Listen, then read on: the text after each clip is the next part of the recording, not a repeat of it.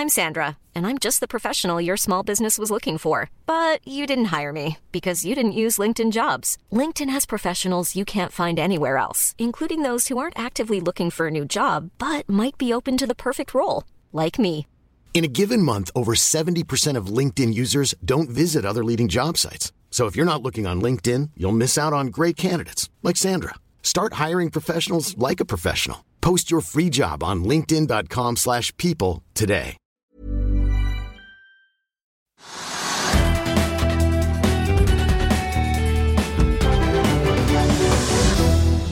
En riktig god torsdag alle sammen, og velkommen til Økonominyhetene på denne 16. februar. Trygve Egnar er med i studio. og Vi skal høre fra sjefene i både Norwegian og Kahoot idet vi altså starter på får vi si, seiersetappen på denne tettpakkede nyhetsdagen. Og mens det altså i går kveld var regjeringens pressekonferanse om strømstøtten som ble kveldsunderholdningen for oss økonomiinteresserte, så er det i dag sentralbanksjef da Ida Wolden Bakke som overtar stafettpinnen når hun klokken 18.00 går opp på podiet i Norges Bank for å holde sin første årstale. La oss ta en kjapp titt på markedet. I går endte hovedindeksen her hjemme ned 0,16% men i dag har vi sett den klatre jevnt og trutt oppover, og vi nærmer oss nå en oppgang på 0,8% på en dag der det er litt blandet rundt oss i Norden, men stort sett grønt nedover på kontinentet. Nordsjøoljen tikker opp en drøy kvart prosent til 85,50. Den amerikanske lettoljen ligger nesten på 79 dollar fatet da i spotmarkedet. Futuresene på Wall Street peker ned etter den teknologidrevne oppgangen vi så i går. Der eh, får vi si de solide detaljhandelstallene for amerikansk økonomi i januar overrasket positivt. En bauta, eller hva får vi si, en tykk bunke kvartalsrapporter har kommet i dag også. Vi må ta noen av selskapene. Aker Horizons, fornybarselskapet til Kjell Inge Røkke Saker, er ute med sine tall i dag. Aksjen er ned 0,3% omtrent. Nettoverdiene har falt fra 16,5 til 15,1 milliarder i fjerde kvartal. Om lag halvparten av fallet skyldes kursfall i Aker Carbon Capture. Den andre nedskrivninger for rundt 2 milliarder kroner i fornybarselskapet Mainstream der eh, verdiene får vi si, netto falt av 736 millioner, takket være at nedskrivningene altså blir delvis, delvis oppveid av litt medvind på valutafronten. Aker Horizons har en krigskasse som nesten er på 9,4 milliarder kroner, hvorav da rundt halvparten er kontanter og resten tilgjengelig eh, kreditt, får vi si. Så får vi se om de klarer å finne lønnsomme fornybarprosjekter og sette pengene i. Det vet vi jo er lettere sagt enn gjort i våre dager.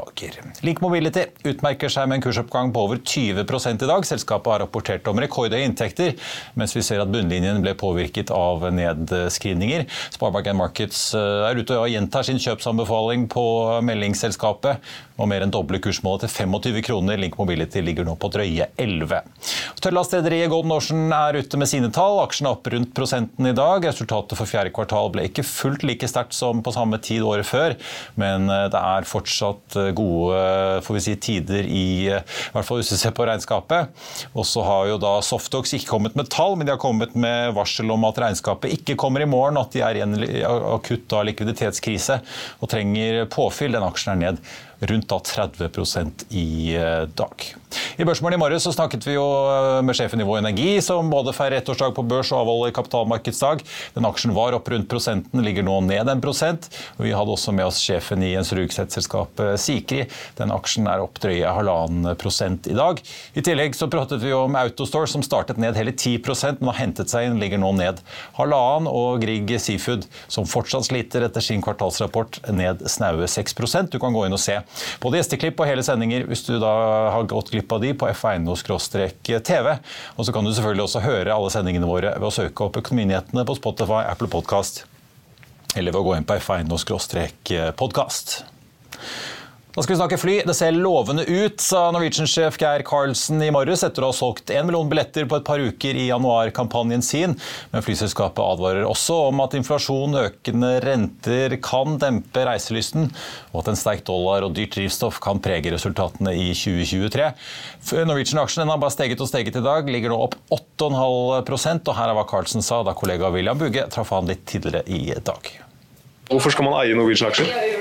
Nei, altså, jeg vil jo si at Nå har vi jo kommet ut av 2022 med, med et relativt godt resultat. Eh, jeg tror vi viste i, i, i fjerde kvartal at vi, liksom, at vi, holder det vi lover, nemlig at vi reduserer kapasiteten inn i lavsesong og, og beholder da på en, en ganske stabil gild. Og når du har hørt på meg her i dag, så hørte du også at vi selger nå billetter. Vi solgte én million billetter på 14 dager i nyttårskampanjen til til en GIL som lå eh, opp mot 25% høyere enn i fjor.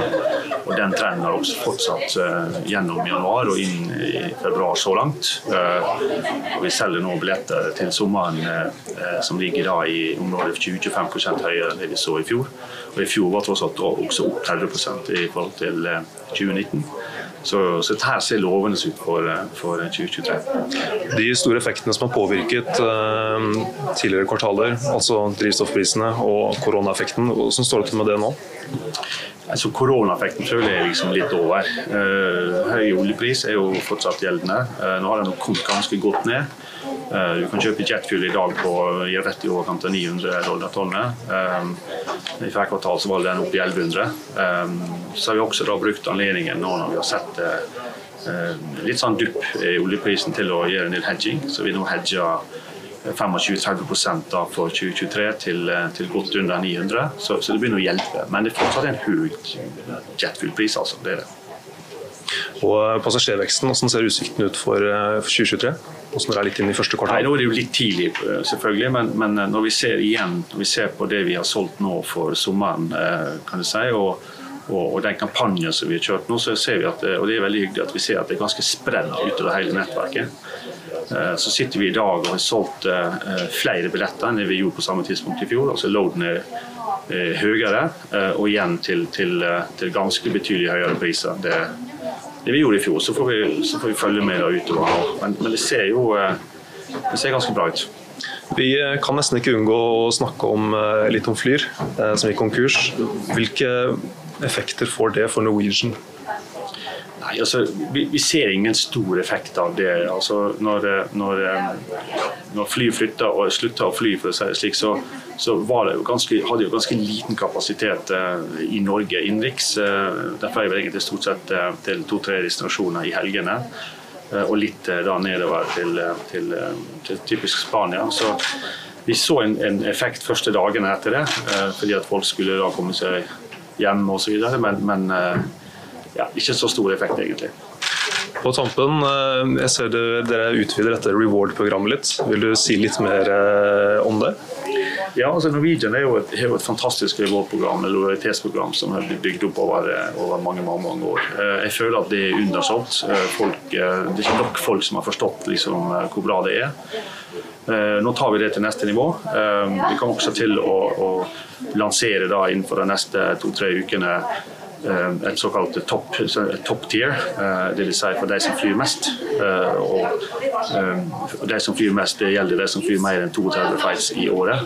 Der kaster vi alle fordelene inn, eh, og vi bringer inn også andre fordeler som, er, som skal gjøre at reisen til disse eh, vil bli enda mer komfortabel, eh, enda mer hasselfri og rett og slett et bedre produkt.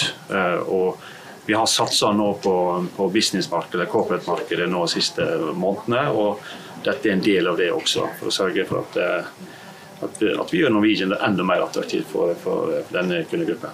Dere ser også et uh, gullkort, stemmer ikke Altså, hva, hva, vil, ja, hva vil kundene hente seg der? Nå, nå har vi liksom ikke døpt barn ennå, kan jeg si, men, men, men ja, det vil vi gjøre i løpet av veldig kort tid. Uh, men det vil jo bli en, en, på en nærmere opplevelse uh, som du da typisk vil finne de som har gullkort, eller hva du kaller det, i, i, i andre selskap.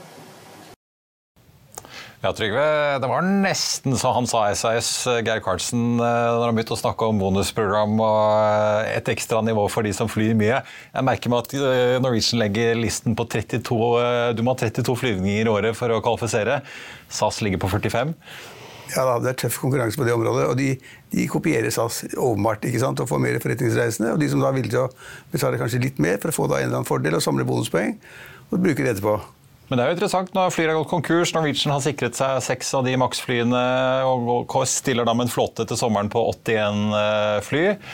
Ja, altså, jeg, altså Norwegian er et ganske pussig tilfelle, for jeg syns de er ganske gode.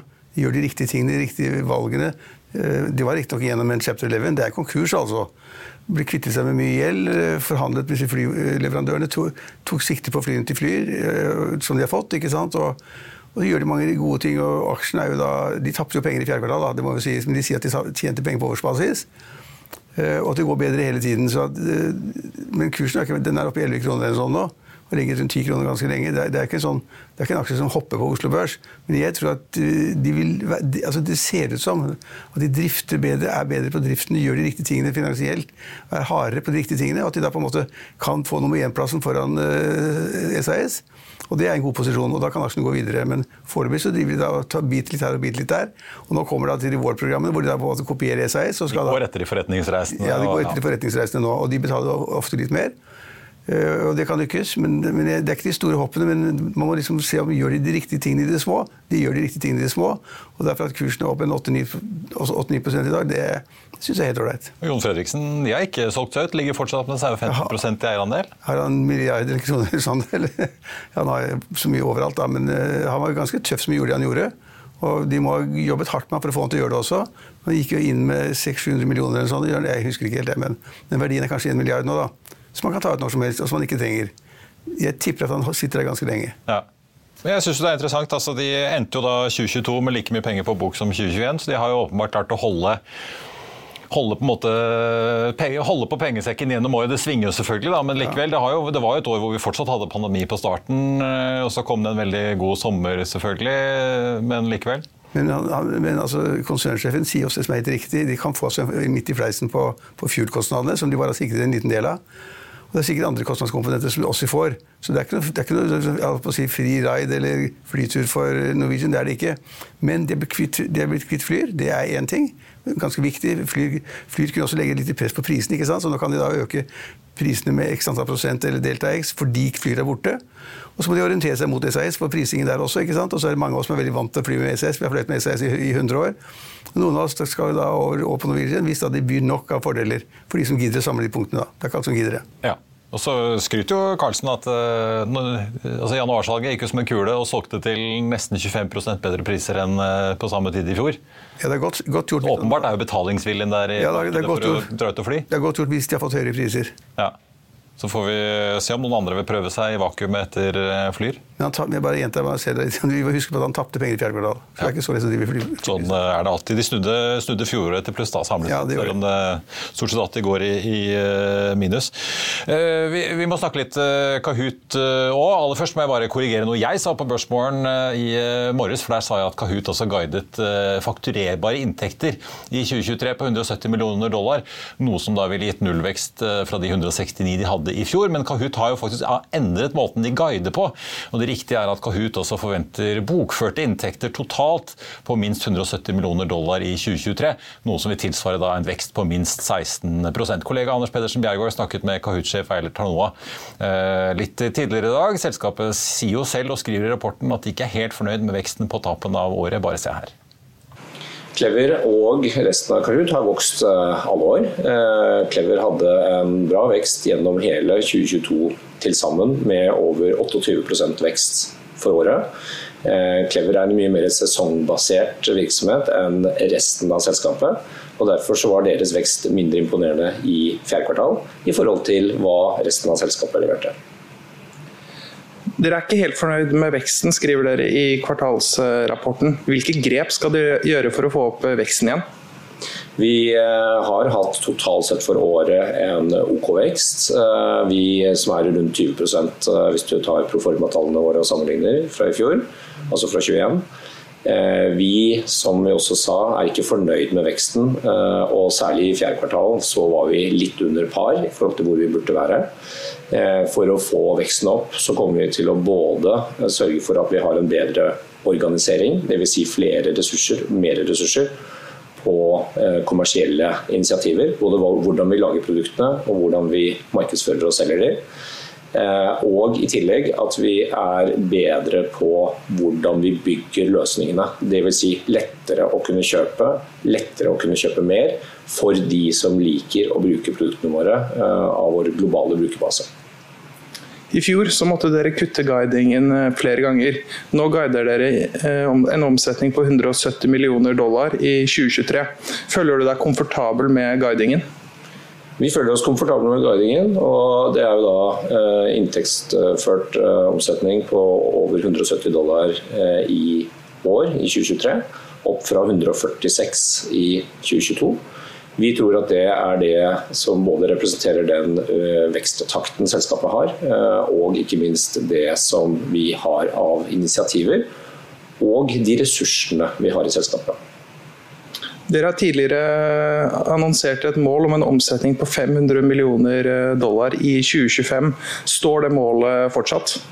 Vår målsetning, eh, vår long term ambition, som det heter, eh, for 2025 var to elementer. Det ene var å komme opp i en omsetning over 500 millioner dollar. Det andre var å kunne skape ca. 40% konvertering av omsetning til kontanter. Altså en kontantkonvertering til 40% Den uh, målsetningen står, som vi også har kommunisert i dag. Og så vil vi komme tilbake til ytterligere eh, detaljer rundt våre langsiktige ambisjoner på vår kapitalmarkedsdag i andre kvartal. Hvilke argumenter eh, er det for å kjøpe Kahoot-aksjer i 2023? Det som vi tror er det mest interessante med selskapet Kahoot, er at vi har et globalt merkenavn som er unikt. Ikke bare fra et norsk perspektiv, men fra et selskapsperspektiv i vår bransje, og ikke minst i forhold til den målgruppen vi har. Vi tror vi har eh, unik kombinasjon av produkter som dekker både profesjonell bruk, Forretningssalg er tross alt den største delen av Kahoots uh, inntektsside, uh, hvis vi ser bort fra Clever. Og vi tror da i tillegg til det, både den posisjonen vi har i skole, i opplæring generelt og i konsumermarkedet, er ekstremt sterk og et godt grunnlag. Og sist, men ikke minst, vi tror at den måten vi har bygget organisasjonen på. Både når det gjelder eh, vårt uh, fantastiske team, uh, når det gjelder å lage produkter og kunne håndtere globale kundebasen vår. Den kostnadsbasen vi har optimalisert over nå mange kvartaler og vist at vi kan ha positiv kontantstrøm mens vi vokser. Og sist, men ikke minst, den erfaringen og kundebasen og uh, si, bredden av muligheter som ligger der, er de viktigste eh, faktorene å se på. Trygve, vi har jo sett Kahoot stige en 2-3% i dag. De vokser jo fortsatt, men de har jo gått, aksjonærene der har jo gått på noen, fått seg noen smeller. for å si det sånn. De har måttet kutte guidingen tidligere. Og, hva tror du om eh, Hanoas e-læringsselskap? Altså, Jeg tror det ligger noe i selskapet, men det er kanskje litt for lett å kopiere. Det vet jeg ikke helt. Og så er det at de fikk I'm Sandra, and I'm just the professional your small business was looking for. But you didn't hire me because you didn't use LinkedIn jobs. LinkedIn has professionals you can't find anywhere else, including those who aren't actively looking for a new job but might be open to the perfect role, like me. In a given month, over 70% of LinkedIn users don't visit other leading job sites. So if you're not looking on LinkedIn, you'll miss out on great candidates like Sandra. Start hiring professionals like a professional. Post your free job on linkedin.com/people today. I'll see you in court. Vi sier det ofte litt på spøk, men for deg som driver business, er det aldri moro å innse at du ikke har laget en 100% gyldig kontrakt. Du bør ikke risikere hele firmaet ditt fordi du synes dette med kontrakter er litt stress. En avtale er ikke en avtale. Du kan miste kunder, miste venner, ja, til og med miste inntekter om du ikke lager en skikkelig kontrakt, på alt mulig, egentlig. Men vi vet det er et styr, kopimaskiner, tregprinter og haugevis av papir. Dessuten stoler vi jo på folk her i landet. Det er ofte litt kleint å skulle be om en signatur for alt mulig, ja, for mye av styret handler også om jakten på underskriften. Det finnes en enkel måte å løse dette på, Dukkobit, en trygg, effektiv og get this, gratis måte å sikre seg en god natts søvn pluss en juridisk bindende avtale. Dukkobit-appen har de strengeste sikkerhetskrav i bunn, samt en EU-godkjent og sertifisert teknologi. Framover vil det bli behagelig å spørre du, skal vi skrive under på det, eller? Kom i gang på dukkobit.no. En altfor rask vekst. Så de, jeg vet ikke hva de nå ligger på, altså 18 kroner eller sånn, nå opp 2 som du er inne på i dag. Men, men de har jo, mye av de falt fra toppen, 70% fortsatt, eller sånn, og det er jo katastrofalt. Og så er det en liten svakhet ved selskapet. Han er, er flink det er en liten svakhet som han var inne på intervjuet her også, hvor han da sier liksom at, eller vi spør da, om hvor mye de kommer til liksom å selge om to eller tre år. Og så sier han ja, vi kommer til å selge for så, mange hundre millioner i 25 osv. Det vil ikke jeg gjøre. altså Det er så vanskelig å spå den fremtiden. Å legge da liksom huet på blokka ved å si at vi kommer til å selge da for 500 millioner dollar eller kroner eller hva det var. i, 20, i 25, det, det, er litt risky. Så, og vi har, ikke, vi har, ikke, kommet forbi det faktum at tech-selskapene er utsatt. fordi at de fremdeles er inflasjonen veldig høy i mange land, og rentene er høye. og øh, de var lave, ikke sant? Tech-aksjene gikk rett opp, og nå liksom, begynner rentene å bli ganske kraftig både i USA, i Norge også i og for seg. Uh, slik at jeg, jeg, vil ikke, jeg, vil ikke, si at de har noen lett vei. Det har de ikke. Nei, De har hatt bra fart siste måneden, men uh... Men De begynte som et sånn quizprogram, ikke sånn spilleprogram, ja. lekeprogram, og så skulle det bli mer business etter hvert. Og det savner jo litt. Da. Men, men var du var inne på det, at, de da, at det var flat vekst fra fjerde kvartal til første kvartal. Det korrigerte han jo litt. Da. Men uh, de har jo salg. Men de har ikke de har ikke noe, de har ikke noe overskudd. Det er, noe, nei, det er ikke noe, kjempebutikk, det er så vidt i pluss på bunnlinjen. Men ja. driften er fortsatt 5 millioner dollar i minus i kvartalet. Ja. Så, ja. så vi, vi, vi, vi, kan ha et åpent sinn. De er et morsomt produkt som da, de, forhåpentligvis kan bygge ut. Og så må de ha profesjonelle kjøpere som betaler mer.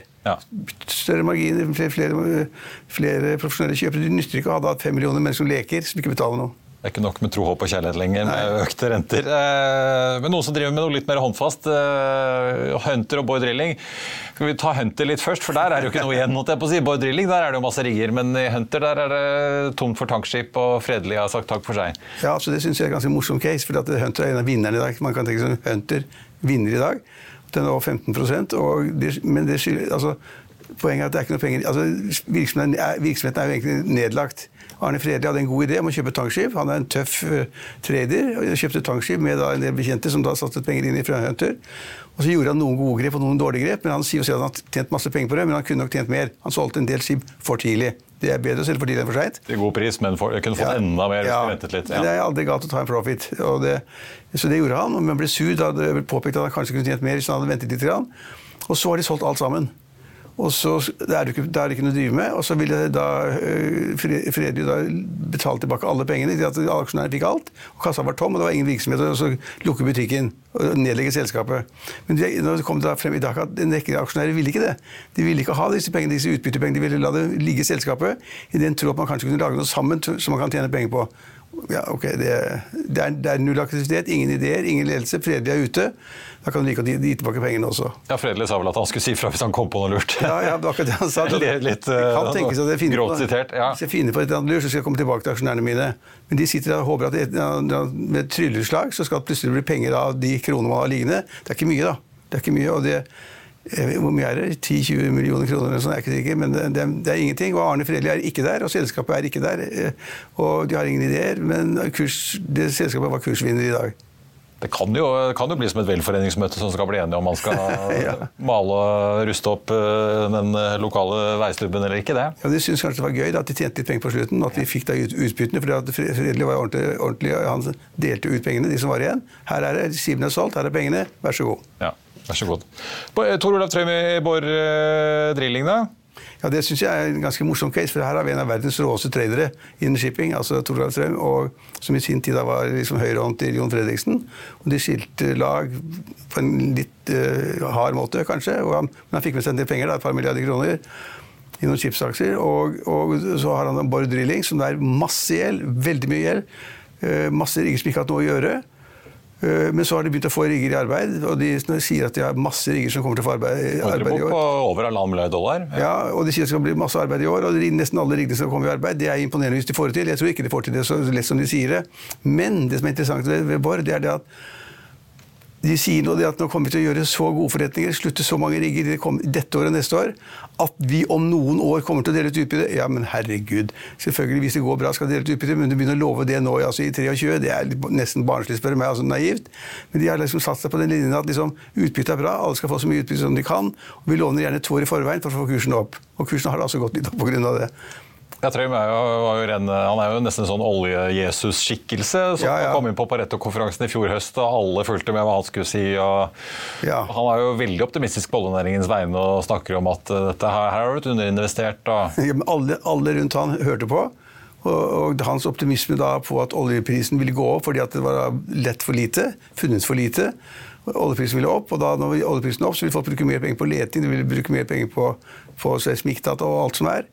Og han hadde rett i det. Altså, oljemarkedet er jo opp, oljeprisen ligger da i 85 dollar i dag. Mange av de som var rundt han har tjent masse penger på å kjøpe eh, borerigger, supply-skip, alt som har med den oljesektoren å gjøre. Og, og, og det, kan tenkes at han klarer å snu Borr rundt hvis de har får sluttet masse rigger i år og begynner å tjene penger. De tjener ikke penger ennå, de taper penger. Ja, for De satset jo på bunn i oljebremsen, men så kom jo koronapandemien. Ja, altså, Men de taper penger fortsatt. Litt uventet smell, ja. Masse gjeld, taper penger. Men får de sluttet alle de ringene de snakker om, så det, kan gå bra. Men det er unødvendig å si det at vi tenker på å planlegge. Altså, vi sitter på rommet bak her og tenker på å gi et utbytte om to eller tre år. Det er bare sludder. Det vil markedet si, hva de kan få lov til å betale ut. Men hvis de tjener penger, hvis de får penger i kassa, så vil de betale ut veldig mye. Det er jeg helt sikker på. Det er Traums uh, varemerke. Han pleier å være god på utbytter. Men det er jo, jeg synes nesten det er et sånn interessant skille når du ser eh, Du har Trøim, og så har du BP som skal investere mer i olje. Du hører seismikk, eh, PGS-sjefer og TGS-sjefer, og alle snakker om hvor mye aktiviteten øker, og pengebruken til oljeselskapene øker, og det er Subsea 7 snakker om vekst i Brasil, og det er vekst i Persia-bukta, holdt jeg på å si, nede i Midtøsten. Men så har du Jarand Rystad, som vi snakket med på Vestlandskonferansen, som gjentar sitt budskap om at han, han ser alle faretegn til at oljeprisen skal ned. Han sier at oljeproduksjonen i USA øker mye mer enn det vi klarer å se i tall som rapporteres fra børsnoterte selskaper, fordi det er så mange private, ikke-noterte aktører. Ja, jeg synes Han har et veldig godt poeng. Han, han kommer jo med rød, et rødt advarselsflagg ja, om at jo, kanskje det holder i år, men det skal ned. Ja, vi hadde det samme på investordagen. Han advarte mot et, et fall i oljeprisen. I dag tror alle på en sterk oljepris. Og, og Wiggen i Pareto sier at den skal opp i 9500 dollar per fat. Men det er det at For det første så kan det jo tenkes at russerne som holder igjen, de kan plutselig bestemme seg for å selge mer eller få til å selge mer. Nå er det begrenset pga. at ingen kan betale mer enn 60 dollar per fat. Russland kan komme mer olje, USA kan komme mer olje. Eh, etterspørselen kan gå ned fordi verden er litt mer komplisert. og da, Hvis oljeprisen skulle falle fra 85 dollar per fat til 70-60 Litt forskyvelse i tilbudet? Ja, da, da, ramler både rigger og offshoreselskaper og supply stream, alt som har med olje å gjøre. Men akkurat nå så er det en kjempestream, og alle sier at det er for lite olje i markedet. Det vil komme til å være altfor lite marked fremover, unntatt av Jan Rystad, som sier det motsatte. Han har pleid å være ganske god. Så alle de som da på en måte tror på at rigg- og oljemarkedet skal bli kjempestort, de ikke har kjøpt, og de som er litt nervøse, har begynt å selge litt. Og så er det jo interessant, Jokeren, skifer olje og gass på land i USA, hvor hvis du hører på Exxon og Chevron, de snakker om at kostnaden der øker mye mer enn det den øker generelt i oljenæringen. sånn at uh, det kan jo være at disse amerikanerne kommer til et tidspunkt igjen hvor uh, det butter litt imot. Ja, og, ja, altså, og da er de kjappe på å ta ned aktiviteten. en annen ting som ikke har kommet så mye frem, det er jo det at de, amerikanerne har tatt av lagrene de, altså de som de skal ha. og Mange har regnet på at de skal fylle opp igjen. Men de gjør ikke det. De tar, bruker enda mer av lageret for å holde oljeprisen nede. slik at ja, det, det, er utrolig vanskelig å si hvordan det går, da. men i øyeblikket er optimistene altså rundt Trøim og andre de er veldig positive. Og så ser vi jo det at en får regnskapene til Equinor og Aker BP og de store internasjonale selskapene, de drukner jo penger. Fordi de da sitter på olje og gass. Og ja, det er nesten ikke å tro. Nei, og olje og gass blir solgt til ufattelige priser. Eh, og da er det klart at Det smitter jo opp på humøret liksom at vi skal gå an å tjene så mye penger. Selv om vi da får litt mindre neste gang, litt mindre betalt for gassen, litt mindre betalt for oljen, så tenker jo mange at den der må jeg være med på på en eller annen måte. Og da kan, tenkes, da kan det tenkes faktisk at Borr er da liksom et lite verktøy, høyt forgjeldet. Ikke alle riggene sluttet, men mulighet for å slutte flere. Og at det kan være et lodd i disse greiene her, det, det kan det være. Utbyttene er i hvert fall på vei, får vi si. Til... Lov, de er lovet, men er, de er utbyttene er... Ja, hos Borr, ja, ja. Jeg tenkte ja. Utbyttene hos Vår Energi de er lovet, og de kommer. De kommer, de kommer langt fortere, for de kommer om holdt jeg på å si, hvert kvartal. Eh, til slutt eh, tenkte jeg eh, vi må snakke om eh, kort årstall til Norges Bank. Du, vel, du, pleier vel å være invitert på sånt? Jeg har vært der i alle år, etter jeg har vært der i 20-30 år. Du skal ned i kveld for å høre på Ida Wallenbakke. Vi må ja. ta det kort til slutt. Ja, det, er, det er hennes første årstallet. Og eh, markedet er veldig opptatt av hva hun vil si. ikke sant? Liksom, vil hun da gjøre et eller annet i markedet? Hun er ansvaret for pengepolitikken. Norges Bank er ansvaret for pengepolitikken. Og vil hun da på en måte stramme inn slik at, at vi har prisvekst i Norge nå, Marius, på 7% Ja, for Du skrev om det i lederen din i dag. Ja. Den tikket jo oppover i januar. Eh, Men altså, prisveksten ja, den gikk opp til 7% ikke sant? Og det er, altså, det er ingen som skjønner. Det er altfor mye. Og husk på det at prisveksten skal ligge stabilt rundt 2 så spørsmålet er da, Vil da Ida Wolden Bakke gjøre det som er nødvendig, i samråd med da pengepolitisk komité i Norges Bank, for å få da prisveksten ned?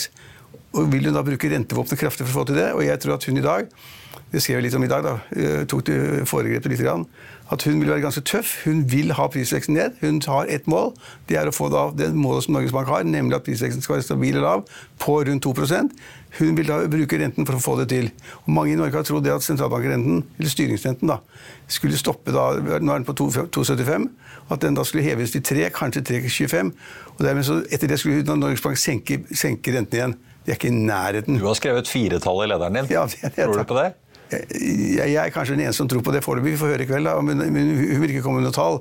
Men hvis hun har en holdning at nå er det viktig å holde, få inflasjonen i sjakk, få prisveksten ned, da, da, da vil vi bruke rentevåpenet for å få det til. og hvis vi, altså, Hun vil gjøre hva som helst for å få det til. Da vil rentene gå opp. Og det rammer da bolig, de som har boliglån og bedrifter som har andre typer lån. slik at Det er ganske spennende. Men jeg tror 4 ja, jeg tror vi kan komme dit. Ja. Det, da kommer det til å begynne å si ganske mye mer enn i dag. Ja, for til- mange norske boliglånskunder. Ja, det kommer til å svi ganske kraftig, men poenget er at jeg kan ikke tenke på noen annen måte å få da prisveksten ned på. Husker jeg bare gjenta meg selv. Nå er prisveksten i Norge 7 den skal 92. Sier ikke mer, jeg. Litt artig poeng for øvrig hvis man graver litt i materiale til Vår Energi på kapitalmarkedsdagen. De legger faktisk til grunn 4% inflasjon i 2023, og så 2 etter det. Så Det er i hvert fall hva en av de store i oljenæringen eh, legger til grunn. Eh, vår kollega Are Haram har jo vært og snakket med Ida Wolden Bakke og sett talen allerede, men han ville ikke røpe noen ting i lunsjen i dag. Eh, så vi får heller følge med i avisen klokken 18, og du skal jo ned dit for å høre live. Jeg skal høre live. Så, og vi andre får se på nett, holdt jeg på å si. Ja, og så er det at, bare Et morsomt poeng Marius, er det at hun var jo da, da hun gikk på skolen, så var hun en veldig ivrig klarinettspiller. øh, Og ganske god. Men plutselig en dag så var hun skitt lei av det. Og så sluttet hun å spille. Men de fleste andre som slutter å spille, de legger da klarinetten på loftet eller kjelleren. ikke den gir til mor og far. Ja. Hun kasta den for å bli kvitt Historikken var ferdig. historien var ferdig. Klarinett aldri mer. Kasta den i søpla. Uh, og da er det jo spennende å se hva hun gjør da liksom med pengepolitikken. ikke sant? Bryter hun da liksom det man kunne tenke seg var en sånn kompromisslinje, og kjører hun hardt på det den er riktig. Time will show. Vi får se om LOs sjeføkonom hopper i stolen uh, der han sitter ved siden av deg og de andre. Ja. Inviterte. Eh, Ha ha det fint i kveld. Det gleder Takk skal du ha, Trygve. Vi er straks tilbake rett etter dette. Vil du bli oppdatert på det viktigste som har skjedd innen finans og næringsliv? Da er det bare å følge med, for hver morgen er jeg, Marius Lorentzen og aksjekommentator Karl Johan Malnes på plass i studio for å ta tempen på dagens marked i Børsmorgen. Og hver ettermiddag oppsummerer vi alt du trenger å vite i økonominyhetene, og det blir selvfølgelig masse interessante gjester. Klikk deg inn på fa.no-tv, eller søk opp Børsmorgen og Økonominyhetene der du hører på podkast.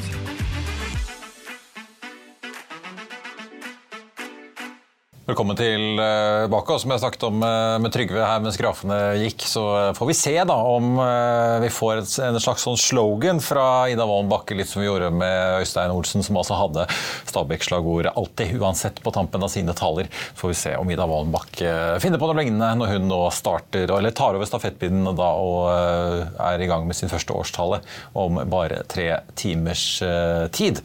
Har du ønsker om selskapet vi skal snakke om, aksjer vi skal analysere eller gjester som vi bør ta en prat med, send en e-post til tvtips.finansavisen.no. Vi får stadig inn noen, så det kommer fortløpende får vi si, eh, leveranser på den eh, fronten. Vi må ta en eh, liten titt på de andre selskapene som vi ikke har rukket å snakke så mye om i dag, som også har kommet med kvartalstall. Kid opp en 2-3 i dag på sin kvartalsrapport, selv om da inntjeningen falt i fjerde kvartal.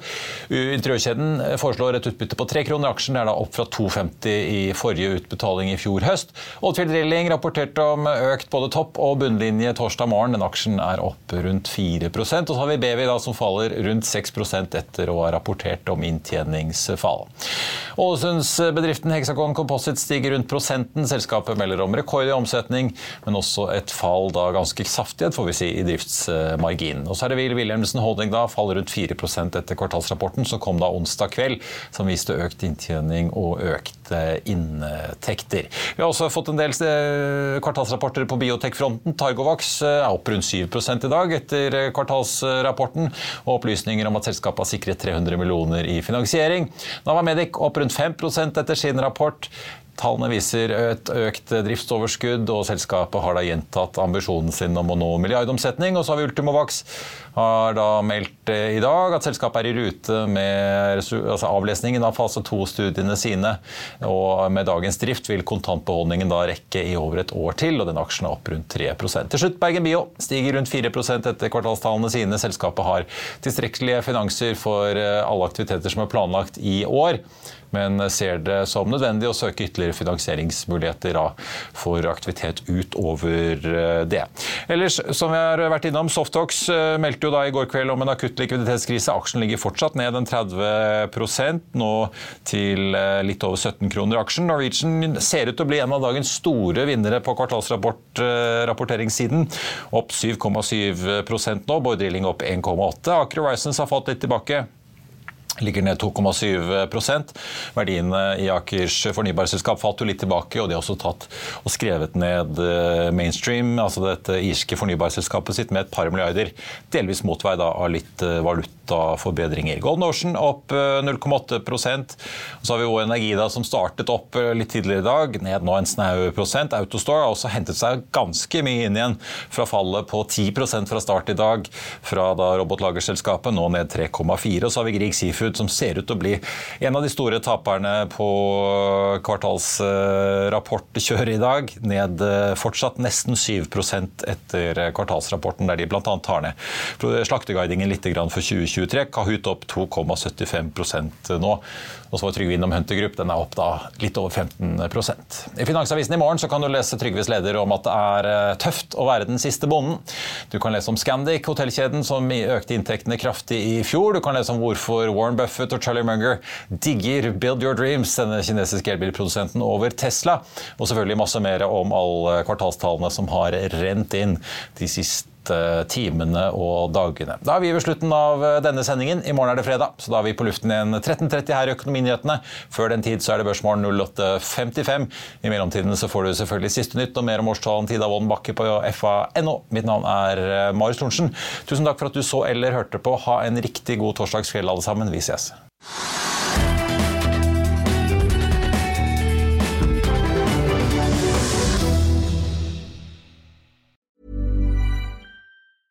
Even when we're on a budget, we still deserve nice things. Quince is a place to scoop up stunning high-end goods for 50 to 80% less than similar brands. They have buttery soft cashmere sweaters starting at $50, luxurious Italian leather bags, and so much more. Plus, Quince only works with factories that use safe, ethical, and responsible manufacturing. Get the high-end goods you'll love without the high price tag with Quince. Go to quince.com/style for free shipping and 365-day returns. When you make decisions for your company, you look for the no-brainers. If you have a lot of mailing to do, stamps.com is the ultimate no-brainer. Use the stamps.com mobile app to mail everything you need to keep your business running with up to 89% off USPS and UPS. Make the same no-brainer decision as over 1 million other businesses with stamps.com. Use code PROGRAM for a special offer. That's stamps.com, code PROGRAM. Økonominyhetene er en podkast fra Finansavisen. Programledere er Marius Lorentzen, Stein Ove Haugen og Benedikte Storm Bamvik. Produsenter er Lars Brenden Skram og Bashar Johar. Og ansvarlig redaktør er Trygve Hegnar.